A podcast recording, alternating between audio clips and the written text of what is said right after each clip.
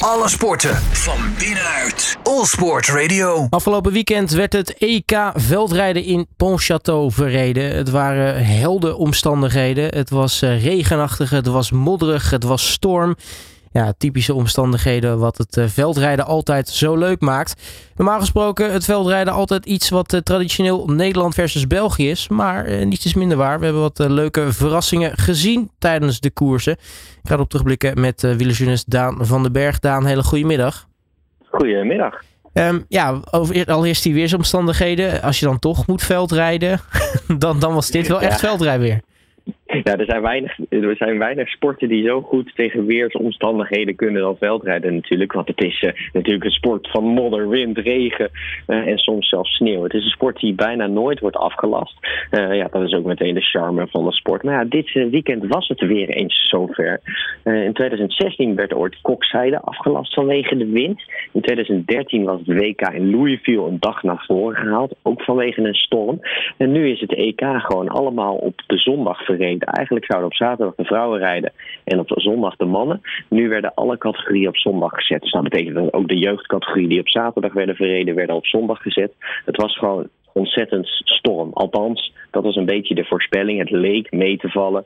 Maar ja, ze waren ja, better safe than sorry. Hebben ze bedacht, op zaterdag mag er niks op het parcours gebeuren. Eh, het was verboden om je daar, eh, ja, daar te bevinden. Dus alles werd naar de zondag verplaatst. En eh, hebben we twee, ja, twee mooie wedstrijden gezien op zondag. Ja, ja sowieso. het, het, veldrijden kenmerkt zich dus altijd door ongure omstandigheden. Maar het, het, soms dan denk je nog wel eens van... Goh, eh, goed dat ze een transponder hebben. Want anders zou je helemaal niet meer weten wie er over de streep komt. Ja, fan van Empel, die reed bij de vrouwen echt eh, veel vooraan. Het was dat ze alleen reed, dat je wist dat zij het was. Want die rijdt in een prachtige regenboogtrui. Nou, daar was niks meer van te zien. Al het wit wat op die regenboogtrui zit, was eh, zwart van de modder. Het was echt één grote modderpoel. Het is een groot grasveld eigenlijk. Dat is een beetje hoe het rondje eruit ziet.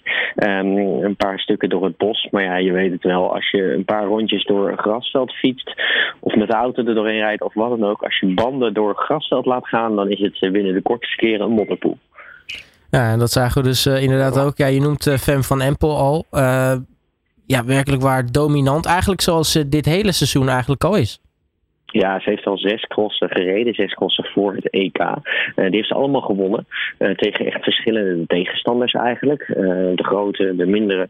ja, wist zij altijd te winnen, was zij altijd de beste. Ze ging ook als topfavoriet naar dit EK. Ja, ik zal het maar meteen verklappen. Ze won dit EK ook. En ja, niet zo'n beetje. Bij de start, het, het was een beetje het zag er een beetje triest uit. Want eh, op zo'n EK worden de twee categorieën, dus elite en belofte, worden gesplit. Waardoor er maar 21 vrouwen van start gingen bij de elite. Nou, bij, bij de start zie je dan, oh, dat valt allemaal wel mee qua, qua wedstrijd. Maar ja, na ronde maakt dat natuurlijk allemaal niks meer uit. Want het gaat altijd maar om een paar rensters eh, in, in dat veld rijden. Eh, groot gemis van deze dag was toch wel dat we geen Lucinda Brandt hadden, geen Puk Pietersen, geen Van Androoy, geen Marianne Vos. Die waren er allemaal niet. eh, zo, ja, kozen voor rust en sloegen dit EK over. Maar Fan van Empel, de grote favoriet, eh, die deed wat ze moest doen. Na één ronde ze weg. En ja, eigenlijk eh, was er niks meer aan te doen. Alvarado had wel een goede start. Maar vrij snel was het van Empel die voorop reed. Worst kwam nog even dichtbij, maar die viel. En die moest zelfs nog de wedstrijd verlaten. Maar voor de rest was het van Empel die gewoon heer en meester was in deze wedstrijd. En gewoon de allerbeste. Terwijl ze eigenlijk is ze nog maar 21 jaar oud. Dus ze zou Mhm. nog qua leeftijd bij de belofte mogen starten. Maar ja, ze heeft de afgelopen jaren... Vorig jaar was ze ook al Europees kampioen bij de profs. Ze is wereldkampioen bij de profs. Dus ja, dan mag je al lang niet meer bij de belofte starten. En ben je gewoon een prof. En op dit moment de beste van Europa. Maar ik durf ook wel te zeggen, Fan van Empel is op dit moment zeker met overmacht de beste van de wereld. Dan is het bij eh, de dames eh, goud en zilver. Eh, bij de heren brons. Lars van der Haar pakte daar brons. Eh, maar Michael van Toerenhout, ja, die volgde zichzelf op bij, bij de mannen. Ja, net als bij de vrouwen dus, waar Van van Empel zichzelf opvolgt, was het ook bij de mannen zo dat de Europees kampioen van vorig jaar opnieuw wist te winnen. Eh, het is altijd een bijzondere wedstrijd, want het Europees kampioenschap is wel voor een bepaald aantal renners weggelegd. Nou, Lars van der Haar is ook eh, heel goed geweest in, eh, in- op dat soort kampioenschappen. Hij heeft ook eigenlijk altijd wel podium, dat doet hij echt ontzettend goed. Maar ook hier was aan Michael van Toerenhout niet heel veel te doen. Na twee ronden reed hij weg. Dan kan je misschien zeggen, nou ja, hij is Belg, dus de Belgen die gooiden alles dicht en hij kon wegrijden. Maar dat was zeker niet het geval. Het is echt wel ja, te, zeggen dat dit een overwinning van Van Toerenhout is. Hij heeft er hard voor gevochten en is de terechte winnaar. En in de achtergrond zagen we, dat was wel heel verrassend, Cameron Mason. Dat is een schot. 23 eh, jaar oud. En die uh, werd gewoon tweede. Dat was eigenlijk een hele grote verrassing. Daarachter waren het een aantal Nederlanders met Van der Haar, Ron Haar en Kamp. Die streden om de derde plaats. En uiteindelijk was het Lars van der Haar, de ervaren Lars van der Haar, zo mogen we hem nog wel noemen. De Woudenberger, die in de ene laatste ronde nog wel viel, maar toch nog terugkwam en uiteindelijk brons wist te pakken. Ja, maar helaas wel jammer van die valpartij, want anders had hij, was hij wel tweede geëindigd.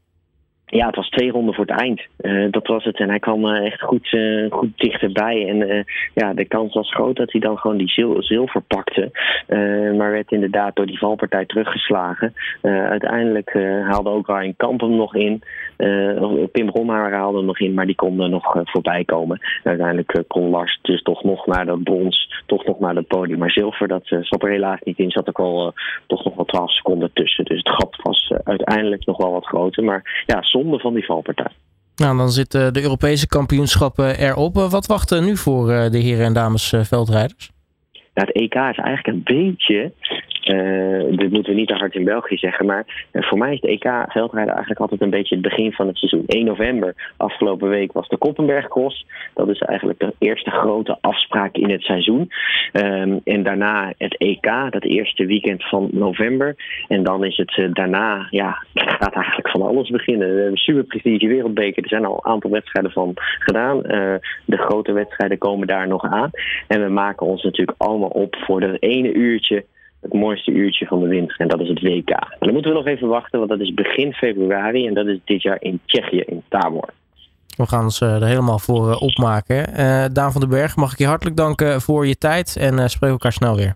Graag gedaan, dankjewel. Alle sporten van binnenuit. All Sport Radio.